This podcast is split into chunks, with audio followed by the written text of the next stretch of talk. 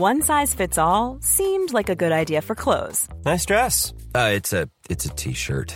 Until you tried it on. Same goes for your healthcare. That's why United Healthcare offers a variety of flexible, budget friendly coverage for medical, vision, dental, and more. So, whether you're between jobs, coming off a parent's plan, or even missed open enrollment, you can find the plan that fits you best. Find out more about United Healthcare coverage at uh1.com. That's uh1.com. Hey, I'm Ryan Reynolds. Recently, I asked Mint Mobile's legal team if big wireless companies are allowed to raise prices due to inflation. They said yes. And then when I asked if raising prices technically violates those onerous two year contracts, they said, What the f are you talking about, you insane Hollywood ass? F- So to recap, we're cutting the price of Mint Unlimited from $30 a month to just $15 a month. Give it a try at mintmobile.com slash switch. $45 upfront for three months plus taxes and fees. Promo rate for new customers for limited time. Unlimited more than 40 gigabytes per month. Slows. Full terms at mintmobile.com. Many of us have those stubborn pounds that seem impossible to lose, no matter how good we eat or how hard we work out. My solution is PlushCare. PlushCare is a leading telehealth provider with doctors who are there for you day and night to partner with you in your weight loss journey. They can prescribe FDA-approved weight loss medications like Wagovi and Zepbound for those who qualify. Plus, they accept most insurance plans. To get started, visit plushcare.com slash weight loss. That's plushcare.com slash weight loss.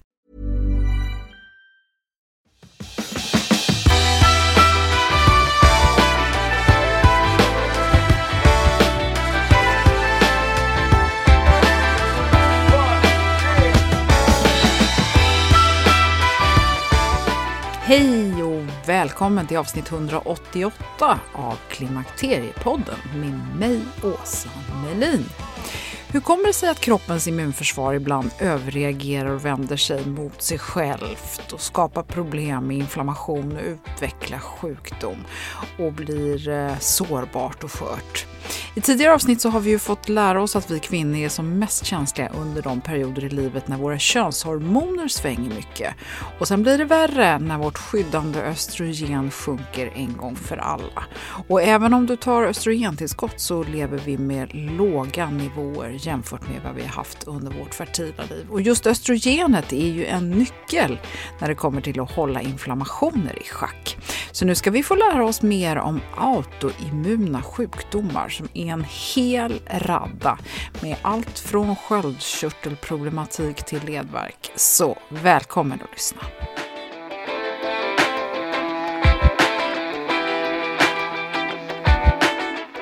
Då vill jag välkomna Cecilia Tibell tillbaka till Klimakteriepodden. Tack så mycket. Och doktorn ska jag lägga till, en av mina favoritdoktorer som har bidragit med så mycket bra kunskap här i Klimakteriepodden. Så det är fantastiskt eh, bra tycker jag att du vill vara med igen. Jag vet att du har mycket omkring dig så jag uppskattar det otroligt mycket. Ja, tack så mycket. Det är ju också roligt att få vara med och prata lite. Det, jag gillar ju att prata. ja, men det är underbart. Och det är så roligt att vi har så mycket att prata om. Eh, berätta vem du är då, om någon råkar ha missat dig tidigare. Ja, jag heter alltså Cecilia Tibell och jag är eh, läkare och specialist i internmedicin, endokrinologi och diabetes mellitus. Eh, och då är den där sista det är namnet på en specialitet, endokrinologi och diabetes mellitus. Så jag jobbar för närvarande på min egen klinik som vi driver i privat regi, där vi också tar in ett integrativt och helhetstänk runt patienten. Så vi jobbar lite annorlunda. Vi jobbar med längre tid med patienten och kan man säga går lite mer på djupet med hälsan i stort. Ja. Mycket går ju ut på att försöka komma till botten med vad är det som har triggat olika saker och det är egentligen det vi ska prata om här idag för vi ska prata om autoimmuna sjukdomar och varför vi kvinnor verkar vara mer utsatta eller benägna att få det här. Och så ska vi göra det här Eh, till två avsnitt så att man kommer få hänga kvar för vi ska prata mycket om sköldkörteln som vi redan har pratat om men vi har inte pratat klart. Eh, och framförallt så ska vi reda ut lite grann om det här med hur man kan göra själv för att behålla, sig, bibehålla sin eh, status som frisk och även kanske läka vissa av de här olika eh, inflammatoriska sjukdomarna som vi faktiskt pratar om här nu. Du, eh, kan vi börja med att du förklarar vad en autoimmunitet är? Ja, alltså en autoimmun sjukdom eller att man får en autoimmun reaktion, för det kan ju vara så att man får en autoimmun reaktion men man kan få det att lugna ner sig, handlar om att kroppens immunförsvar blir exponerat för eh, någonting kroppseget och börjar bilda antikroppar mot det. Och då kan man säga så här, det händer i vår kropp dagligen, men normalt sett så har vi någonting som kallas tolerans som gör att vi liksom skyddas ifrån att få en, en inflammationsreaktion av det. Men då kan man säga att när man har sårbarheter eh, för det och man kanske har omständigheter, väldigt ofta mycket hög stress, man kanske har en hormonell situation i sin, sina könshormoner, vi kvinnor har ju så att säga cykler i livet som gör det, så blir det så att man får en, en, en reaktion. Så att man börjar bilda mycket antikroppar. Och det här gör ju då att den här antikroppen binder sig mot, på det här, oftast då proteinet som kroppen eh, har. Och Eh, rekryterar immunceller så man får en inflammationsreaktion. Och i varje fall ett sköldkörtel då så är den vanligaste varianten är att man får en antikropp mot tyrosinperoxidas. Och då får man en inflammation i sin sköldkörtel. Och blir det tillräckligt mycket inflammation så blir det precis som när man får ett sånt där sår som blir lite rött och svullnat och så att det kan bli ärrbildning, det blir kroppsegna celler som Eh, dör. Och i värsta fall då så förlorar man funktion och så utvecklar man det som kallas en hypotyreos, det vill säga man får låga sköldkörtelvärden. Och det är en autoimmun sjukdom. En annan autoimmun sjukdom är den här sjukdomen som heter Addison, som hamnar att, handlar om att kroppen istället har bildat antikroppar mot eh, 21-hydroxylas som är ett enzym som gör att vi kan bilda kortison och aldosteron. Och så får man då så att säga celldöd i binjuren. Och så kan man inte längre eh, tillgodose kroppens behov av det här hormonet eller till och med förlora det helt. Och så är det också med typ 1-diabetes. Och man kan säga att i dagsläget så finns det ungefär 140 autoimmuna sjukdomar som vi har identifierat. Och det handlar nog dels om hur vårt liv ser ut, men sen handlar det också om att allt eftersom att vi har fått mera kunskap om sjukdomar som vi tidigare har kallat idiopatiska och det betyder i princip vi förstår inte varför man fick dem.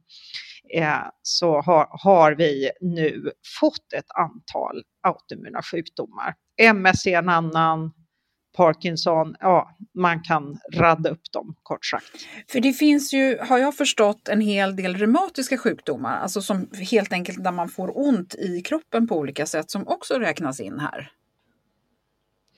Eh, ja, och, och eh, det är, är, finns absolut ett antal sådana och där tittar tittar man ju då, eh, kan man säga, efter vissa riskfaktorer och man tittar, man mäter antikroppar emellanåt för att liksom bestämma vilken sort det är. Vi har ju alla någon form av låggradig inflammation som pågår. Man kan ju ta sån där CRP heter det va? Mm. När man mäter liksom inflammationsnivån i kroppen. Och vi, man ska ju ha någonting, eller hur? Alltså, Förstår ja, du? eller rättare sagt om man då ska tänka som jag gör så vill vi ju inte ha inflammation i kroppen. Alltså vi vill ju att vårat system ska vara så i balans att det inte driver inflammation. Du kommer ha inflammationsreaktioner men därifrån till att det blir inflammation är, är ju så att säga ett steg. Och när man då mäter den där som du kallar eh, CRP då som kan man säga det står för C-reaktivt protein som är en, en, ett mått på lite inflammatorisk aktivitet, så, så brukar det, om man går till vårdcentralen så tycker de att ett värde under 5 är okej. Men då har man också sett, till exempel i samband med hjärt-kärlsjukdom och så, att även en låg grad av inflammation, typ CRP3, eh, bidrar till hjärt-kärl ohälsa. Så mitt mål om du kommer till mig, det är att att vi ska jobba för att ditt, det där värdet ska ligga under ett. Oj. Ja. Men är det, för, för när man blir förkyld, då åker ju Mm. det här värdet upp. Då är det ju full fart. Och det måste ju, alltså det är ju ändå någonting som är positivt tänker jag. Så det måste ju finnas två olika delar i det här. Ja, alltså jag menar normalt sett om vi stöter på en infektion och så vill kroppen göra sig av med det så sätter den ju igång ett antal eh, processer. Och först har vi det här som eh, då kallas innate immune response eller man kan säga det här första eh, akutfasreaktionen på en infektion. Och sen allt eftersom den här infektionen för, förlöper så kommer våra T och B-lymfocyter jobba med att vi får en, det här som kallas då en cellulär immunitet, det vill säga vi bygger ett antikroppsskydd, vi bygger ett minne av att den här infektionen, om den dyker upp igen, då ska vi kunna känna igen den och göra oss av med den så snabbt som möjligt. Så. Eh, och då är det ju dessutom så vad det gäller autoimmunitet då att om man har en genetisk sårbarhet för autoimmunitet och det innebär oftast att man kanske är lite mer benägen till vissa av de här inflammationsprocesserna i kroppen så eh, är det ganska vanligt att man kan ha en infektion som en trigger för att sätta igång eh, en autoimmun sjukdom. Och till exempel har ju jag nu sett och observerat när jag har tagit prover på patienter som har haft covid eller har covid att det är rätt vanligt att just den där TPO-antikroppen dyker upp och ibland går den ner och försvinner. Och just TPO står för? Det står då för det här tyrosinperoxidas, det vill säga när man hade den här inflammationen som, vi får, som kallas Hashimotos och som gör att man kan få en lågt fungerande sköldkörtel, en hypotyreos. Men gud vad spännande. Så att redan nu kan du se att det finns ett samband kanske med att få dålig sköldkörtelfunktion efter covid? Ja, absolut. Och jag kan väl säga att jag har ju även sett andra antikroppar. Och då är det ju så, vad händer när vi får just covid? Ja, det är ju en av det, det som gör oss väldigt sjuka i covid, de som blir. Det handlar om att man får ett, kan man säga, oproportionerligt högt inflammationssvar. Och ju mer inflammation vi har i kroppen, desto större är risken för att kroppen ska råka presentera kroppsegna proteiner och att i den här fasen börjar vi producera antikroppar mot någonting som är kroppens själv så att säga. Och det är därför att när det blir mycket inflammation så får man också mycket egna celler som dör. Och när den här inflammationsreaktionen är i balans då finns det en liten cell som heter monocyt som omvandlas till makrofag som äter upp de cellerna som har så att säga tagit hand om infektionen. Och så blir vi av med det. Men när det blir väldigt mycket inflammation så hinner de där cellerna inte riktigt med. Och då händer det saker med de vita blodkropparna som först har kommit dit. Och det är helt enkelt att de, eh, de går sönder och dör. Och de i sig gör att det blir ännu mer inflammation. Och så hamnar man liksom i en negativ spiral där kroppens immunförsvar inte riktigt hinner ikapp. Och när det är just så, då ökar risken för att vi ska få presentation av kroppsegna proteiner och små vävnadsbitar som kroppen då sen börjar reagera på. Och de singlar runt då i blodomloppet och så blir det den här, kommer vi in i det här låggradiga inflammatoriska tillståndet då? Det kan vi göra. Eh, och, sen, och sen är det ju lite, om man nu har en infektion, vad den har för benägenhet. Ta ett sånt här virus som herpes då, alltså mun eller könsherpes, så är det ju så att eh, det eh, viruset har en en förmåga att kunna stanna kvar i kroppen. Och det är väldigt ovanligt att man eh, klarar att göra sig av med det helt. Och då gör ju det här herpesviruset så att det bosätter sig i vårt nervsystem. Eh, och det är därför som man oftast får smärta före sår. För att det första som händer är att det blir liksom en irritation i den nervregionen där herpesviruset har bosatt sig och sen får man en reaktion. Och då är det ju så att herpes är till exempel ett sådant virus som då kan reaktiveras då och då och sätta igång vårt immunförsvar och rent teoretiskt skulle kunna göra att man genererar autoimmuna sjukdomar. Och då finns det en del forskning på ett ett sorts herpesvirus som, heter körtel, som ger körtelfeber som verkar kunna ha sådana egenskaper. Och det finns även en del forskning på ett annat herpesvirus som heter CMV. Och då ska jag säga att herpesvirus är egentligen bara ett namn på en familj av virusar som har liknande egenskaper. Och sen att just herpesvirus 1 och 2 som ger munsår eller könssår så att säga eh, heter herpesvirus. Det råkar vara så, men det finns flera. Tre dagars feber är humant herpesvirus 6. Vattkoppor är varicella som också är ett herpesvirus, så det finns flera. Det är så, så sådana saker kan spela roll. Men kan man sammanfatta ordet autoimmuna sjukdomar, vad det är, med en mening? En inflammationsreaktion orsakad av att kroppen producerar antikroppar mot sig själv. Och då finns det autoimmuna sjukdomar som kommer och går, till exempel som du precis nämnde. Och så finns det de som är närvarande hela tiden. Och så finns det de som man kan få och bli av med. Beroende på hur kroppens immunsystem klarar av att, att lugna ner en sån där reaktion så kan man antingen då få som ett skov av en autoimmun sjukdom och sen kanske om man tar hand om sig själv och man kan säga är lite snällt mot sitt immunsystem kanske aldrig få besvär med det igen. Men man kommer alltid bära, kan man säga, benägenheten till det. Sen finns det de, eh, i till exempel typfallet MS då, där, då kan det vara så att man får en skov av MS och konstaterar MS-diagnosen, kanske man gör en massa eh, personliga åtgärder eller att man faktiskt har en situation där immunsystemet hamnar mer i balans. Så det var det enda skovet man hade men så finns det ju de som hela tiden har en inflammationsreaktion pågående och därför får en primärt progressiv MS, det vill säga de bara sakta men säkert eh, så, så tar MS eh, över nervfunktion och man blir, får förlamad och man får smärtor och så vidare. Och så finns det de som har en mittemellan-variant. Det blir stressigt och jobbigt i livet, man har sovit dåligt, det händer någonting och så får man ett skov. Eh, och sen kanske man, det tar tid att återhämta sig från det. Just nervsystemet behöver ju lång tid för att reparera sig.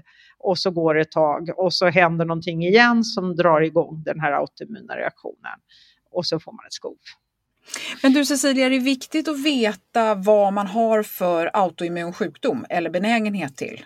Jag skulle säga så här, har man ärftlighet för till exempel sköldkörtelsjukdom, vilket är ganska vanlig autoimmun sjukdom. Sköldkörtelsjukdomarna är ju nästan en halv miljon människor i Sverige som, som har. Eh, då kan det ju finnas anledning att någon gång om året kolla upp hur det är. Och framförallt får man någon slags klumpkänsla i halsen, man får symptom eh, som som gör att man kan misstänka att man har, så kan man ju absolut eh, kolla upp det. Eh, men det är ju så, så länge du inte har några antikroppar så, det, så, så blir det också svårt att mäta något svar.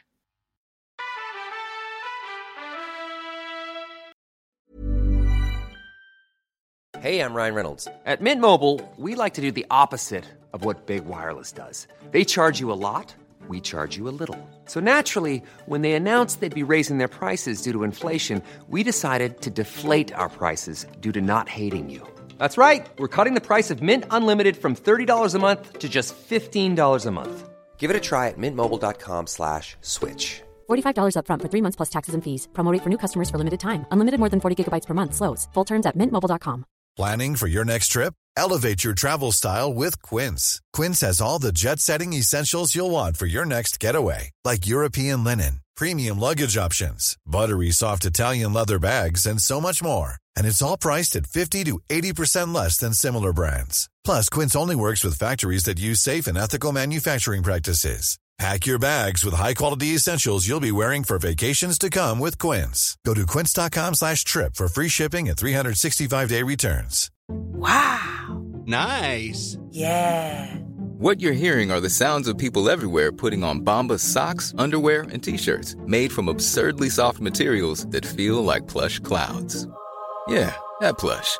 And the best part? For every item you purchase, Bombas donates another to someone facing homelessness. Bombas. Big comfort for everyone. Go to bombas.com slash ACAST and use code ACAST for 20% off your first purchase. That's bombas.com slash ACAST. Code ACAST.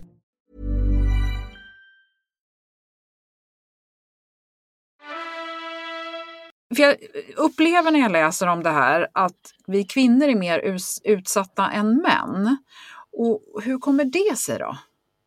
Ja, men det finns ju helt enkelt en logisk förklaring i att vi har ett, så, så jag brukar skämta och säga att det finns en ganska rolig bild där man har en sån här förstärkare och så står det män och så är det en av och knapp och så en volym, av och på-knapp och en volymknapp. Och så i den andra förstärkaren så är det kvinnor och då är det liksom balans och blöder ut. Vi har ju, eh, vi har dels våran menstruationscykel så länge vi menstruerar som ju innebär att våra könshormonnivåer går upp och ner. Och det här påverkar vårt immunförsvar eh, så att tillvida att östrogen har ju så att säga skyddande effekter för vårt immunförsvar. Men det är klart att när man då hamnar i lite dipp eh, ja då kan det påverka immunförsvaret. Om man dessutom lägger till lite stress eh, småbarnsmamma, hög arbetsbelastning och så, så har det negativa effekter på vårt immunförsvar.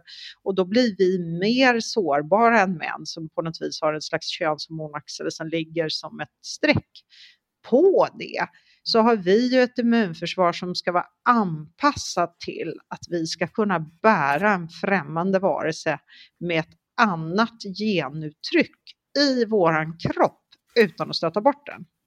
Ja, fast då känns det ju som att vi borde vara ganska okänsliga, tänker jag, för att vi kan ha den där bebisen. Ja, men eh, det är ju just det där då som handlar om att immunsystemet ska eh, bygga tolerans. Och, det, eh, och så länge du har någon slags jämn nivå av immunförsvar så, så är det lättare för kroppen att hålla en tolerans i skick. Det här när det svänger mycket, det är ju så att säga eh, blir alltid lite bekymmersamt för kroppen och det ser man ju typiskt på kvinnor när man kliver in i förklimakteriet att östrogennivåerna hoppar som en jojo upp och ner. Och, och ju, vilket gör att det blir lite svårt att få balans på sitt mående. Och det kan ju till och med vara så att när man har tagit sig igenom menopaus och landat i ganska låga nivåer, ja men då mår man ju helt plötsligt bra igen därför att allting blir så jämnt och bra. Och det blir lättare att hantera infektioner och sådär. Så, där. Och, och, det gör ju också att vi är känsligare under de där perioderna. Vi blir känsliga för autoimmuna sjukdomar när vi kliver in i pubertet därför att då får vi så stora växlingar i våra hormonaxlar. Eh, vi blir känsliga när vi kliver in i en graviditet för det är igen en stor och eh, framförallt när vi plötsligt droppar ifrån kanske tusen gånger mot vad vi har annars när vi är så att säga höggravida till noll efter en förlossning. Mm. Så ytterligare en faktor som jag tror spelar roll och det är ju eh, nu vet inte jag, jag har ju själv alltid upplevt att jag märker på min mage hur min menscykel är. Mm. Att den här just bakteriefloran i tarmen som hela tiden utmanar vårt immunförsvar, som hela tiden gör att vi liksom finjusterar det och som när vi har det i bra balans påverkar vår hälsa positivt, påverkas av att vi har hormoncykler. Men det här är ju också otroligt intressant, för jag tänker så här, nu när man lyssnar på det här så kanske man redan sitter i en situation där man upplever att man har blivit väldigt känslig. För det mm. tror jag inte att jag är ensam om att känna i den här perioden när man kommer in i förklimakteriet och sen när man går in i klimakteriet så blir man uppenbart känsligare för allting.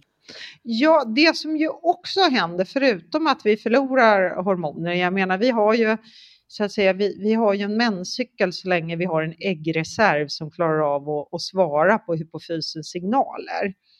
Eh, och det gör ju att vissa människor har, kan föda barn länge i livet och andra har kortare för vi har lite olika äggreserver som vi föds med. Men det som också händer med åren är ju tyvärr att, att vi, har, vi blir känsligare och känsligare för just stresstrigger. Så det behövs mindre och mindre för att vi ska få en stressrespons i, vårat, i våran kropp. Och när stressen ökar så kan man säga tillfälligt så är det så att kortison kan man säga lugnar ner inflammation. Och det är ju därför vi använder kortison som antiinflammatorisk medicinering, för vi vet att vi liksom kan lugna ner en inflammation.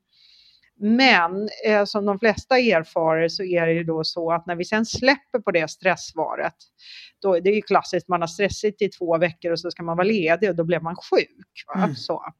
Har vi en ökad känslighet och där östrogen ju så att säga, och det vet jag att Kerstin Brismar pratade i en av dina poddar om, att östrogen så att säga stärker vårt immunförsvar och har en viktig del i hur, den, hur det reglerar vårt immunförsvar. Och det är också därför faktiskt, om man tittar på det, så att om man bortser från havandeskapsförgiftning och massa andra graviditetskomplikationer, så är det många gånger så att när man har höga hormonnivåer så får man inte så mycket förkylningar, man är liksom lite skyddad mot allt. Mm. Därför att det här stärker vårt immunförsvar och, och stärker justeringen och, och balansen i det. Men du, jag tänker så här, klimakteriesymptom det är ju en sak och de går ju mm. oftast mm. över. Och, eh, man verkar ju kunna leva med låga östrogennivåer ganska väl utan att det händer någonting. Men de här mm. autoimmuna sjukdomarna verkar eskalera samtidigt, eller risken för. Är det, går det att hänröra då till den här östrogenets antiinflammatoriska egenskaper? Ja, och jag menar, jag tycker ju att det intressanta är ju, jag tror att jag berättade för dig att jag ju, eh, när jag gick min gynkurs en gång i tiden, eh, så gick det från dagen då ena dagen stod professorn och sa varför alla skulle ha östrogenbehandling och kom in i klimakteriet. Ja. Och hur fantastiskt bra det var för att skydda oss från hjärt-kärlhälsa, eh, alltså skydda vår kärlhälsa, vår kognition och demens, alltså risken för demens och, och skydd mot inflammatoriska och autoimmuna sjukdomar för att nästa dag på grund av den studien då som kom, som väl man kanske senare i djupare analys har funderat på om det faktiskt mera handlade om kombinationen gestagen och vissa typer av östrogener. Eh, nästa dag så var det ingen som skulle ha det. Eh, och tittar man då, man bara, inte bara tittar på autoimmuna sjukdomar, så är det ju tyvärr så att vissa sjukdomar eh, när vi kommer in i klimakteriet så hinner vi ju ifatt männen i hjärt-kärlhälsa. Eh, och tyvärr är på väg att gå om dem eftersom vi lever med mycket högre stress idag. Och demens är större risk för att få om man är kvinna och det hänger med största sannolikhet ihop med att det här lite lägre östrogenet. Så att jag, jag personligen tror att östrogenet spelar stor roll för just det. Mm. Men nu är det ju så att det är väl inte, dels så är det omöjligt för många kvinnor att ta östrogen och dels så finns det ju ingen ambition från eh, högre ort så att säga att medikalisera hela eh, det kvinnliga eh, populationen över 50. Mm. Så att de flesta av oss eh, ska ju ändå leva mm. utan östrogen då? Blir det mm. oundvikligt med de här autoimmuna sjukdomarna eller hur ska vi hantera dem då eller undvika dem? Ja, och då är det ju så här att vad är, vad är, de vikt, vad är den viktigaste triggern för de flesta autoimmuna sjukdomar? Det är ju ett ord, stress. Mm. Hög stress är, är oftast orsaken till, jag skulle säga till väldigt många sjukdomstillstånd och där kan du även inkludera cancer. Så hög stress ger oss hjärt-kärlsjukdom. Hög stress ger oss de här autoimmuna inflammatoriska sjukdomarna stress bidrar till demensutveckling. Sen på det så har vi ju en, en prestationsbank idag över hur man får se ut. För jag menar, vad som ofta naturligt händer när vi kommer upp då i den här åldern, när vi kliver in i klimakteriet, det är ju att, att man lägger på sig några kilo. Och, och, det fyller ju kanske en fysiologisk funktion så tillvida att en del av vårt fett är faktiskt hormonellt aktivt och bidrar med att vi bidrar med östrogenproduktion. Eh, så det kanske är meningen att vi ska lägga på oss några kilo just för att behålla vår hälsa eh, bättre. Och där har man ju stora studier sett att det faktiskt är så att, att de där 4-5 så, fast inte så mycket mer kilorna, nog är bra för oss ur ett liksom lång typ perspektiv. Mm. Ja, nej, men alltså, det, det, viktigaste är väl kanske just att börja med den främsta triggern och det är ju stressen. Och jag menar, jag träffar ju väldigt mycket sköldkörtelpatienter som har gått in i en utmattning och det var då de fick sin hypotyreos. Och sen är ju det man gärna vill då, det man vill skylla hypotriosen på utmattningen, fast det nog är så att det är utmattningen som har gjort att man har triggat igång en hypotrios. För då när man går in i en utmattning som det som ofta händer är att när kroppen inte längre orkar stressa. Och här är hjärnan inblandad. Här har vi den här lilla styrstationen som heter hypotalamus.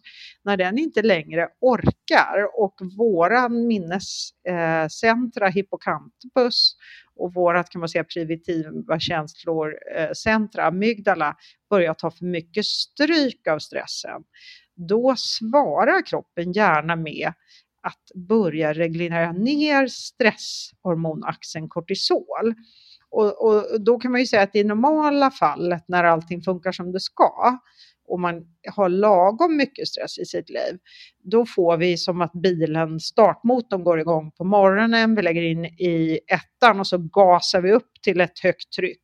Och sen under dagen så släpper vi lite på gasen och kan man kan säga att vi växlar upp bilen så vi kör energieffektivare på mindre hormonnivåer för att till slut under natten landa och så får vi vila i det där och sen så kommer det. Går man med hög stress länge, då får man liksom, då ligger foten på gaspedalen hela tiden.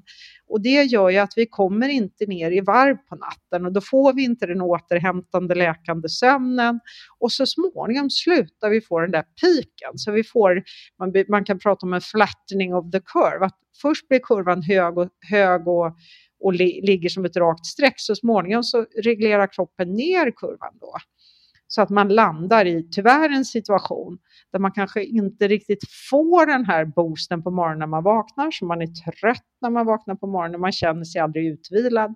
Och sen på kvällen när man ska sova så kommer man inte riktigt ner. Så då blir det istället svårt att sova och så har man då liksom landat i en spiral där man alltid är trött. Mm. Eh, och aldrig riktigt kan sova. Och då när kortisol går ner, ja, då ökar ju alla inflammationsreaktioner i kroppen. Så då kan vi få ledvärk, vi får helt plötsligt ledinflammationer från ingenstans. Och som sagt när inflammationen ökar, då ökar risken för antigenpresentation.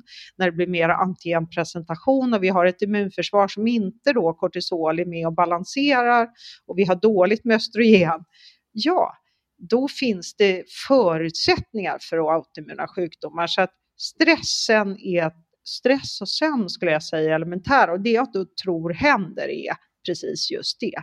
När man går in i en utmattning och får den här liksom lite nedreglering som kroppen gör för att skydda sig så får man helt plötsligt eh, då bildar man antikroppar och så får man då en sjukdom som i sig bidrar till att man känner sig trött, och börjar samla på sig kilon och svullnad och immunförsvaret funkar sämre, man har svårare att göra sig av med gifter och så liksom blir det en add-on på en redan dålig situation.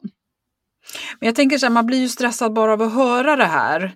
Eh, eh alltså man har ju ett enormt ansvar själv då tänker jag, för det finns ju ingen medicin i världen som kan lappa ihop det här, utan det här är ju någonting som vi måste jobba med själva. Och kan man då få stressen under kontroll så har man kommit en bit på vägen. Men vad ska man mer göra då? Ja, sen är det ju så att vi vet, eh, och nu kommer jag sticka ut hakan för det här håller inte alla med om. Det eh, verkar som att viss mat kan fungera som trigger för att sätta igång eh, autoimmuna sjukdomar om man har den benägenheten för det. Och eh, viss mat har ju kommit rent evolutionärt in i vårt ätande sent i livet och till det tillhör till exempel sädeslagen. Eh, och de är därmed också lite mer svårsmälta. Och då kan man ju säga rent generellt så bildar vi antikroppar mot allt vi äter. Men normalt sett så håller ju immunförsvaret i, i trim då så att säga. Vi bildar antikroppar men det är ingenting vi ska reagera på. Precis som den där härliga tarmfloran där det är massa kompisar som bor som hjälper till att justera vårt immunsystem så reagerar vi inte på maten. Eh, även om vi har lite, lite antikroppar emot den. Och då har man ju sett i studier, och, och där är, finns det mycket studier just från Italien, där man har tittat på till exempel gluten och den här hypotriosutvecklingen och faktiskt många andra äh, autoimmuna sjukdomar. Eh, så. Och många av de här sjukdomarna föregås ju av att man har haft en problem med en, en period med med magbesvär, där man har det där som i slasksammanhang kallas IBS. Mm. Det vill säga man har en tarm som reagerar när vi äter, som reagerar på stress. Som kanske gör att man är mer förstoppad eller mer lös i magen, man får lite knip Eh, och gasighet, man känner sig uppsvulld efter att man har ätit och så vidare. Det, det finns en hel ett helt symptomspektra. Men som ju egentligen, om vi tänker efter, är en signal på att det händer någonting i magen som inte jag mår bra av. Och när man då tittar till exempel på den autoimmuna sjukdomen Parkinson så börjar den oftast i magen. När man har börjat forska på det så har man hittat att det är nog så att sjukdomen startar i magen, för där har vi ju vårt första nervsystem. Det enteriska nervsystemet, det var vår första hjärna och den kommunicerar med omvärlden. Och då kan man hitta sådana Parkinson-förändringar faktiskt i tarmslemhinnan innan. Och då är till exempel gluten en sån mat. Eh, laktos är en annan sån eh, trigger där man eh, ju så att säga redan idag vet att om man till exempel har varit magsjuk och börjar direkt att dricka massa mjölk och så, så kan man underhålla så att säga den här skadan i tarmen och inflammationen genom att göra det, därför att vi är åtminstone tillfälligt laktosintoleranta. Och då är det ju så att våran laktostolerans i Skandinavien, det handlar ju om att vi lever med ett sådant klimat som vi gör, så vi har nog evolutionärt anpassat oss. För stora delar av världen så kan man inte dricka mjölk när man är vuxen. Mm. Då är det så att då finns det ett, ett kostprogram som kallas det eh, autoimmuna protokollet som eh, många, eh, ska man säga, som har mycket autoimmun kan bli hjälpta av. Och då, är det, eh, då, då kan man säga att det går ut på att man gör en väldigt, eh, under en period äter väldigt, väldigt restriktivt. Då tar man bort sådana saker som man vet att man kan trigga immunförsvaret. Till exempel då så tar man bort sådana histaminrika läk, eh, livsmedel, jag höll på att säga läkemedel, ja. men livsmedel. Och till dem tillhör till exempel tomat, aubergine, potatis i viss mån, eh, paprika, eh, surkål som ju annars är bra för oss och så vidare. Och man tar bort alla sädeslagen under en period med undantag för några få. Man plockar bort majs, nötter, frön och så vidare. Och så äter man till och med peppar och chili eh, försvinner. Och så äter man så att säga restriktivt under en period därför att med förhoppning att få lite lugn och ro i magen. Och sen stoppar man tillbaka de här ämnena och så ser man hur reagerar min kropp på det? Om min kropp börjar få ont igen, om jag svullnar i lederna, om jag börjar känna mig trött i huvudet eller eh, jag får ett utslag eller att jag faktiskt får ont i magen, ja då har jag fått en signal att det här är kanske någonting som jag i alla fall just nu inte ska äta. Eh, och då kan man se att det finns en del forskning på det där autoimmuna protokollet. Och bland annat i Uppsala så vet jag att det sedan ett par år pågår en studie på just MS-patienter. Eh, som då har fått följa ett AIP-protokoll för att se om man kan minska risken för att de ska få skov och om man kan lugna ner immunförsvaret med hjälp av det. Eh, och det finns också en kvinna som heter Terry Walls och hon har skrivit en bok som heter Walls Protocol. Eh, hon är själv internmedicinare och tror jag associated professor nu i Iowa om jag inte minns fel eh, och forskar nu på detta. Hon har själv MS och hon blev så dålig så hon till slut hade en, eh, inte kunde sitta upp själv utan hade en stol som så att säga lyfte henne. Eh, och genom att lägga om sin kost så har hon lyckats lugna ner sin MS så pass mycket så att hon och i dagsläget föreläser och forskar och jobbar heltid igen.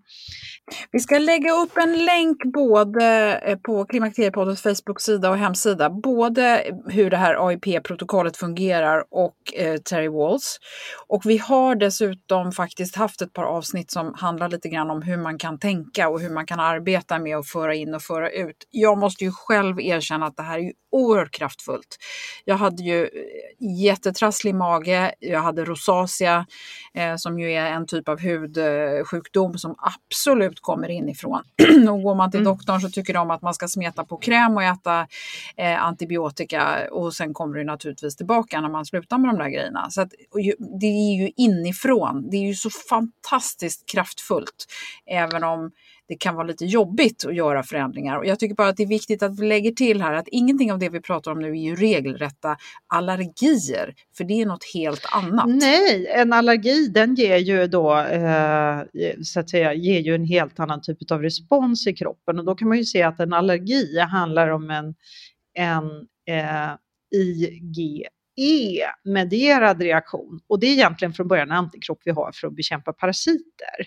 Mm. Eh, så vi har liksom, vårt immunsystem är ju så, om man börjar titta in i det så är det ju liksom en fantastisk skapelse av olika processer och olika typer av celler och antikroppar med funktioner som gör att vi ska kunna möta världens alla alla så att säga eh, farsoter och ta hand om dem.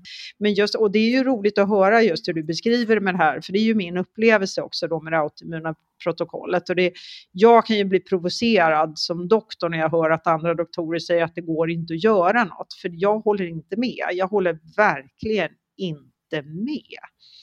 Och, och jag, tyvärr så tror jag att det här är ju tänk om det vore så att vi faktiskt kan påverka vår hälsa med vad vi äter, hur vi lever. Det är ju inget konstigt egentligen. Nej men gud, det känns väl jätte... Eh, alltså det är ju inte bara så här, de flesta tror jag kan känna igen sig i hur man mår om man har druckit för mycket alkohol eller druckit för mycket kaffe eller ätit för mycket godis. Alltså lika väl förstår man ju att även det som vi i vanligt tal kallar vanlig mat kan skapa reaktioner. Ja, om du på det lägger till att vi vår mat idag stoppar i saker som påverkar just den här tarmslemhinnan. Mm. Normalt sett så har vi det här tarmluddet och på det kan man säga så ligger det som en litet slemskydd. Eh, det låter lite äckligt kanske när man säger det, men det är ju som en, kan man säga, en befuktning men också som ett, en barriär eh, som ska skydda de här eh, fantastiska cellerna som tar hand om och tar upp vår näring. Men då är det ju så att då lägger vi till emulgeringsmedel. Vad ska emulgeringsmedlet göra? det ska få vatten och fett att blanda sig. Och vad det också gör är att det löser upp den där slemhinnan på det där tarmluddet och då blir ju helt plötsligt våra tarmceller exponerade mot saker som det kanske inte skulle eh, eh tarmslemhinneceller som det normalt sett inte skulle träffa på. Och med risk för att man då dels sätter igång ett immunsystem som säger oj, oj, oj, vad är det här farliga? Det här måste vi ta hand om, när det kanske i själva verket är näringsämnen. Och, och sen att man dessutom eh, blir lite som när man har torr hud, va? alltså att det blir mycket lättare risk och skador i processen. Du Cecilia, vi ska fortsätta det här samtalet. Du och jag, vi kör ju bara på här, men jag tänker att du som lyssnar, du får ge dig till tåls till nästa vecka, för då kommer vi tillbaka och då ska vi prata vidare om det här med åldrande, autoimmunitet och kroppen som jobbar med eller emot oss. Och som jag sa så lägger vi upp ett par länkar som är intressanta med läsning. Så Cecilia, jag och eh, jag tror även de som lyssnar faktiskt tackar dig så mycket för nu. Och tack för idag då säger jag. Så ses vi nästa gång. Ja, välkommen åter.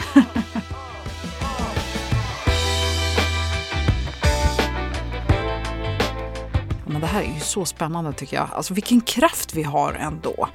VHI-studien är den studie Cecilia talar om cirka 24 minuter in i avsnittet och den har vi berört många gånger. Senast med Tord Nässén i 180 och redan 4B finns en genomgång av den. Och det här med vikt och hälsosam övervikt som Kerstin Brismar talar om, det kan du höra mer om i avsnitt 173.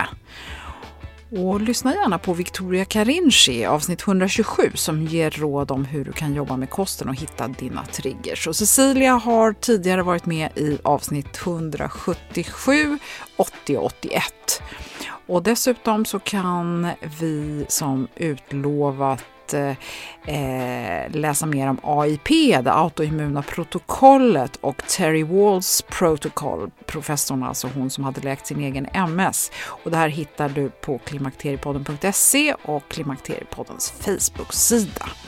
Och på Instagramkontot Klimakteriekocken hittar du min tolkning vad som fungerar i matväg i form av antiinflammatorisk och hormonbalanserande kost. Dessutom så har Cecilia bidragit med ett recept. Hoppas du gillar och kan hämta lite inspiration av Klimakteriekocken. Och när man gör kostomläggningar kan man initialt uppleva förvärrade symptom. Men det är oftast värt att härda ut eller lugna ner tempot om du hör till de som är lite drastiskt lagda. Många får faktiskt stor känning redan eh, efter eh, någon vecka på energinivåer och minskade magbesvär. Det beror lite på vad du har för utgångspunkt. Men det är ju otroligt kraftfullt och jag som hittade mina triggers i bland annat gluten och äggvita kan ärligt säga att känsligheten var otroligt stor i början. Och sen nu när det har gått ett par år så har jag varit, eh, först var jag väldigt strikt och nu så är känsligheten eh, inte alls lika hög. Så att jag kan faktiskt äta allt, men inte hela tiden. Och dessutom i begränsade mängder. Och jag märker på magen bara någon halvtimme efter att jag ätit eller druckit något som den inte gillar. Det är spännande när man börjar lyssna på sig själv och eh, känner att man faktiskt har möjlighet att påverka hur man mår. I nästa avsnitt så kör vi vidare och kommer tala om eh, sköldkörteln, vad man kan göra själv för att dämpa besvär av autoimmuna sjukdomar. Vi talar också om migrän, jättespännande, och vad som egentligen gör att vi åldras. Och kan man skjuta på klimakteriet? Hmm, ja. Tack för nu och hoppas du lyssnar snart igen. Hej då!